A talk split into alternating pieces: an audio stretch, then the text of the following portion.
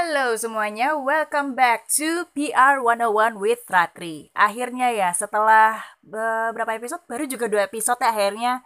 Setelah makan jeda, kira-kira hampir tiga minggu, mungkin hampir sebulan ya gue nggak update podcast lagi. Akhirnya pecah telur lagi dong episode baru. Dan sekalinya ngeluarin episode baru, eh topiknya dong kontroversial mengenai COVID-19.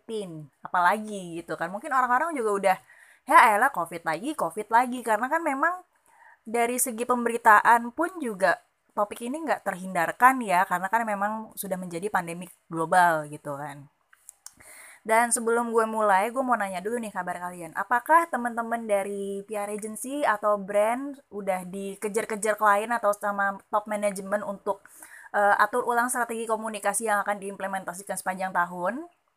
Nah, nah sama, gue juga pusing nih. Jujur, gue juga udah di kejar-kejar dan sambil ngulik ngulik apa namanya ide-ide baru lagi nih untuk mengimplementasikan strategi baru konten-konten apalagi nggak akan disajikan buat klien gue gitu. Kalau misalkan temen-temen yang masih kuliah apakah dosen-dosen kalian udah menghujani ribuan? Eh bukan ribuan sih lebay juga sih.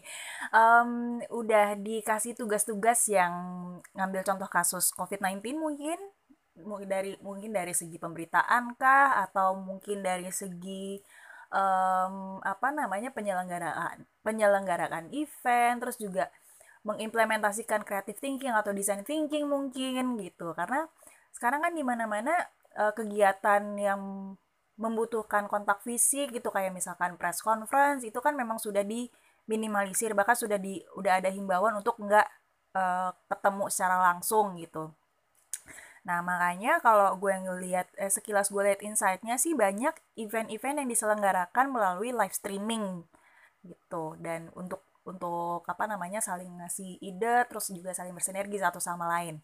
Anyway, karena topik ini sudah sangat kontroversial dan menurut gue sensitif, jadi sebelum masuk ke pembahasan intinya, gue mau disclaimer dulu bahwa gue di sini bukan mau sambat gue di sini bukan mau menjelek-jelekan kinerja uh, pemerintah khususnya Kemenkes Kementerian Kesehatan RI melainkan menggunakan hak gue untuk bersuara sebagai warga negara Indonesia yang bekerja di bidang komunikasi dan tentunya opini yang akan gue sampaikan ini berdasarkan perspektif gue dari sudut pandang dunia komunikasi gitu. Anyway, um, kalau misalkan gue lihat-lihat nih ya uh, pemberitaannya selama ini um, kalau misalkan lo tanya gimana pendapat gue soal uh, kinerja pemerintah terutama dari sudut sudut pandang komunikasi tentang pemberitaan COVID-19 dan implementasi strateginya well to be honest gue sangat-sangat speechless. Saya speechless itu karena banyak uh, bahkan orang-orang yang bukan PR pun juga atau mungkin yang nggak berkecimpung di dunia PR bisa ngelihat bahwa penanganannya itu tuh aduh kacau. Jujur kacau. Ini gue nggak ngerti ini gue nggak menjelaskan ya tapi memang kenyataannya seperti itu gitu. Makanya eh, apa namanya padahal kalau misalkan gue cek-cek lagi ya itu tuh Kemenkes sudah ngeluarin protokol komunikasi COVID-19 man, yang nantinya gue akan taruh di deskripsi di description gitu kan. Di dalam uh, protokol tersebut itu udah disebutkan secara lengkap misalkan uh, apa langkah-langkah yang harus diambil segala uh, apa namanya siapa aja yang jadi sumber kontaknya terus juga key message nih ini juga menarik karena kalau gue lihat di protokol tersebut key message yang mereka usung kan ada tiga angle yaitu yang pertama pemerintah serius siap dan mampu menangani COVID-19 yang kedua, masyarakat tetap tetap tenang dan waspada. Dan yang ketiga, COVID-19 bisa sembuh. Nah, kalau misalkan dilihat-lihat nih ya dari key message yang diusung terus kemudian diturunkan jadi talking points dan dan dikembangin lagi jadi konten-konten pemberitaan, menurut gue dampaknya malah um, kebalikan dari key message yang harusnya disampaikan. Jadi tidak terdeliver dengan baik gitu. Karena menurut gue um, apa namanya selain eh bukan karena risetnya kurang sih tapi ya memang uh, apa namanya kurang kurang apa namanya kurang efektif aja eh, kurang efektif gitu loh key message yang disampaikan. Dan mungkin eh, apa namanya angle-angle-nya tuh kurang dimainin sehingga orang-orang tuh bahkan punya perspektif yang berbanding terbalik sama key message itu setelah diberitakan gitu. Padahal uh, dan balik lagi kalau gue lihat di protokol yang sebenarnya cukup jelas ya uh, penanganan krisisnya itu justru nihil. Menurut gue nihil banget gitu. Ya memang sih ada ada apa namanya ada pusat pemberitaan ada media centernya juga tapi itu kan nggak cukup gitu loh. Karena uh, penanganan krisis PR tuh lebih dari itu. Karena intinya tuh ada tiga. Ada prepare respond sama recover nah tiga poin ini nih yang sebenarnya tuh perlu dikaji ulang perlu dikembangin lebih jauh lagi nih sama tim komunikasinya Kemenkes nih. Nah, dan uh, ngomong-ngomong nih ya, lagi-lagi soal kinerja pemerintah dan situasi negara saat ini nih, gue jadi teringat sama suatu serial TV yang gue tonton yang gue tonton di Netflix. Meskipun gue nggak langganan Netflix sih tapi gue nonton banget karena uh, itu salah satu serial favorit gue. Dan ternyata uh, apa yang gue pikirkan nggak cuma nggak gue nggak cuma sendiri nih mikirin hal ini. Kemarin gue juga diskusi sama temen gue namanya Cindy Aderenti halo Mama Hulia. Dan juga gue nemu di Twitter bahwa pemerintahan kita saat ini dalam menangani COVID-19 itu mirip banget sama serial yang satu ini. Nah judulnya Kingdom Season 1 and Season 2 jadi itu jadi buat, buat teman-teman yang belum ngeh Kingdom itu ceritanya kayak gimana uh, settingnya tuh di zaman dinasti Joseon di Korea yang mana tuh di uh, saat di dalam serial itu terjadi sebuah wabah zombie yang menyerang sentral kerajaan.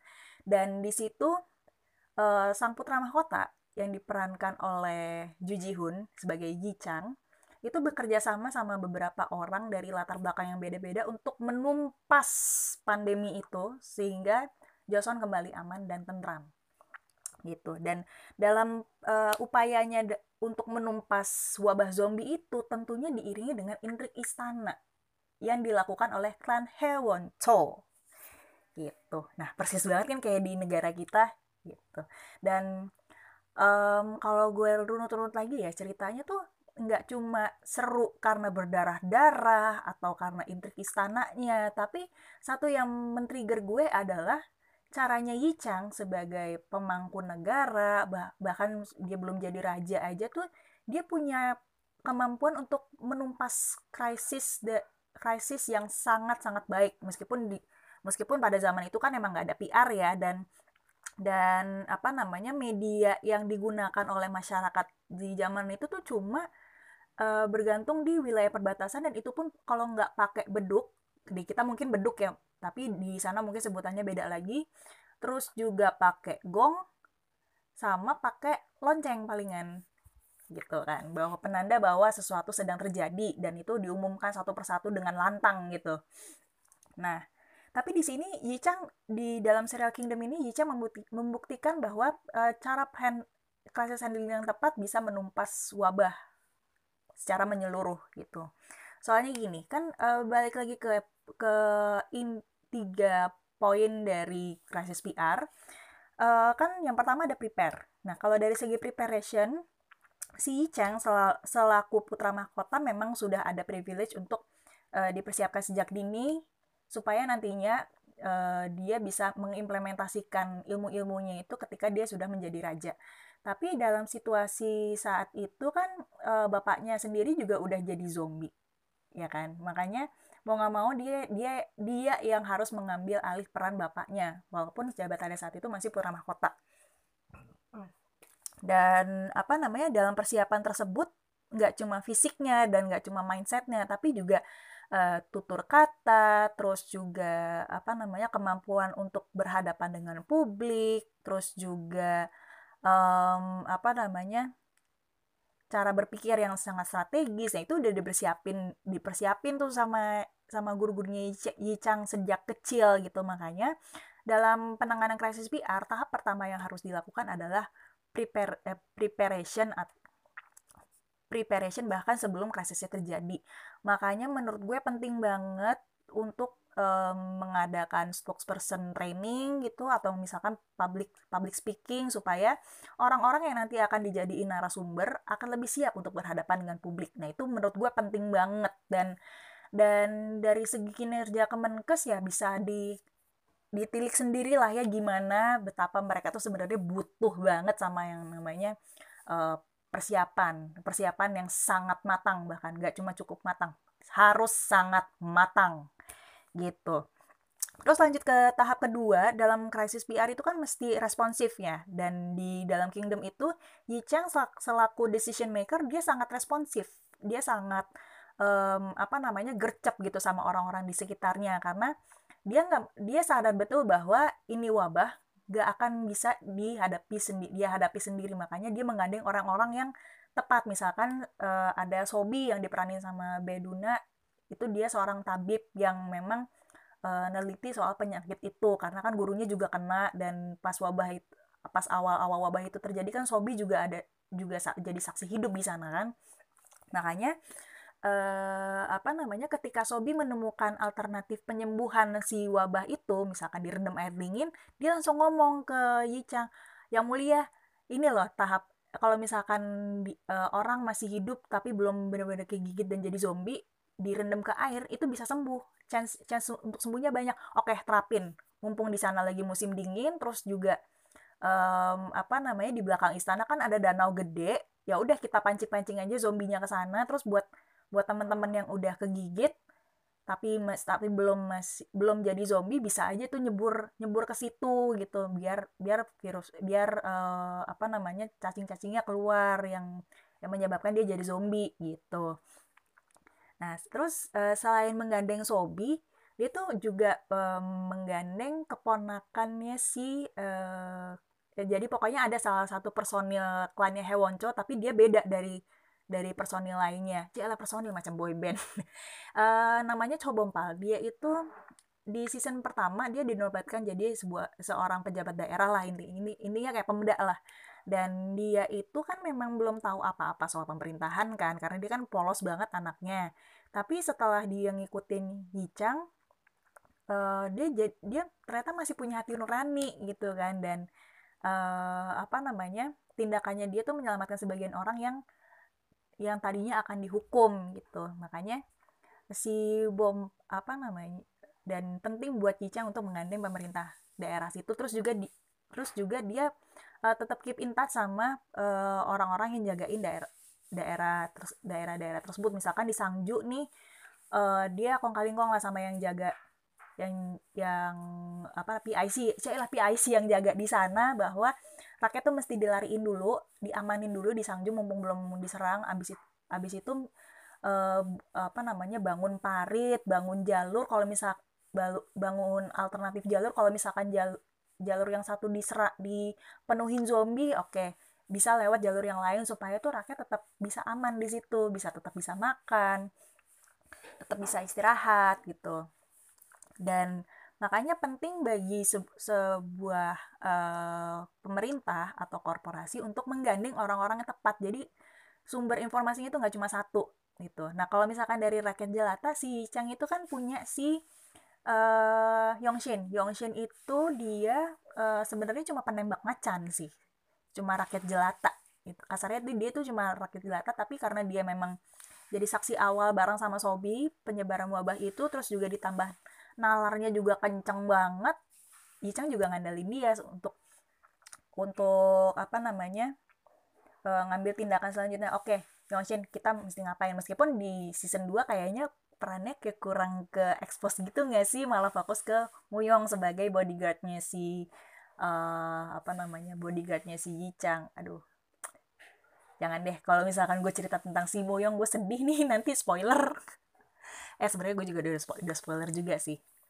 Nah anyway uh, selain nggak cuma ngandelin satu orang dan ngajakin orang-orang kerja sama tentunya orang-orang yang tepat ya nggak cuma asal gandeng doang gitu. Uh, dibutuhkan juga uh, responsif itu juga melingkupi informasi yang transparan. Informasi yang benar-benar uh, apa namanya terjamin benar-benar valid kebenarannya dan nggak nggak pakai ditutup-tutupi Nah, kalau kalau di, bisa dilihat sih dari pemberitaan selama ini ada aja gitu kan yang ditutup-tutupi gitu. Dan yang memang seharusnya tuh eh, apa namanya? Yang memang seharusnya nggak nggak ditutup-tutupi malah jadi ditutup-tutupi dan it's not a right thing to do. Kita sebagai rakyat, sebagai warga negara butuh informasi yang transparan supaya kita bisa memerangi ini sama-sama. Gitu. Yang ketiga, itu juga eh, dalam penanganan krisis PR ada recover. Nah, ini kan kejadiannya kalau misalkan wabahnya udah reda nih. Sementara kalau di kita kan belum berangsur-angsur pulih pun juga belum gitu. Tapi nantinya, ya tapi kalau misalkan kita pilih di Kingdom nih ya, kan eh, di akhir season 2 wabahnya sudah bisa dibilang eh, reda gitu kan. Reda thanks to musim dingin dan triknya si Sobi nih Nah, pada masa-masa recover itu, what happens at the palace stays and stays at the palace. Dan apa nama orang-orang tuh kayaknya juga udah lupa sama wabah-wabah tersebut karena kan span kejadian dari season 2 dari peristiwa wabah itu sampai sampai ujung episode itu kan lumayan lama tuh 7 tahun gitu kan. Dan apa namanya? Sementara itu si Chang bukannya dia dia yang bertahta. spoiler spoiler alert bukannya dia yang bertahta dia malah lanjut riset lagi bareng sama Sobi sama ya bareng sama Sobi Yongshin sama uh, or, adalah timnya yang lain untuk mencari tahu lebih jauh ada nggak nih chance bahwa si wabah ini bakal kambuh lagi gitu. Terus dan mungkin akan terungkap di season ketiga. Gitu dan untuk sementara uh, apa namanya untuk sementara di istana ya masih masih adem ayam aja sampai di akhir episode ada sesuatu yang menjalar di tubuh putra mahkota yang saat itu digigit pas masih bayi gitu. Dan mungkin akan muncul lagi outbreaknya gitu. Dan tindakan yang dilakukan Yi itu juga tepat sih menurut gue karena ke depannya akan bisa jadi uh, tindakan preventif. Tindakan tindakan pencegahan kalau misalkan uh, apa wabah itu terjadi lagi. Saat pada saat recover tuh juga jadi jadi lebih apa namanya tahu nih oh selanjutnya kalau misalkan ini terjadi yang disiap itu mesti A B C D E F G lalalalalala gitu kan. Dan kalau dari sisi pemerintah kita jelas belum belum benar-benar uh, apa namanya kelihatan ya. Kalau misalkan dari segi recover mungkin juga bisa um, diambil dari tindakannya Pak Erick Thohir yang mana beliau tuh menyediakan hotel-hotel yang hotel-hotel supaya si tenaga tenaga medis yang dinas di rumah sakit rujukan COVID-19 itu bisa beristirahat. Terus juga ada juga yang mengalihkan uh, mall jadi rumah sakit itu itu bisa sih. Itu itu juga bisa jadi tindakan recover eh tapi lebih ke respon responding sih menurut gue. Gitu. Dan kalau misalkan gue runut-runut lagi nih ya, zombie-zombie yang kita hadapi nih, wabah yang kita hadapi tuh bukan si coronanya sendiri, melainkan ada penyebar hoax, ada yang suka nimbun-nimbun barang. Hah, ini ini public and ini nih the true virus, the true zombie of of of of them all gitu. Sama satu lagi orang-orang yang kelakuannya kayak klan Hewoncho. Yang mana tuh menghalalkan segala cara bahkan di saat pandemi sekalipun untuk uh, mencapai tujuannya. Nah, kalau di pemerintahan Indonesia gue nggak bisa sebut lebih jauh mungkin cukup tahu aja di dalam hati siapakah gerangan beliau-beliau ini. Dan semoga uh, di podcast kali ini kita bisa uh, apa namanya menelaah lebih jauh lagi strategi komunikasi yang harusnya bisa diambil sama tim komunikasinya Kemenkes juga pemerintah pusat yang yang sama sama Pemda gitu juga Uh, terus juga bisa jadi bahan evaluasi supaya ke depannya ada strategi yang diimplement strategi yang lebih tepat guna.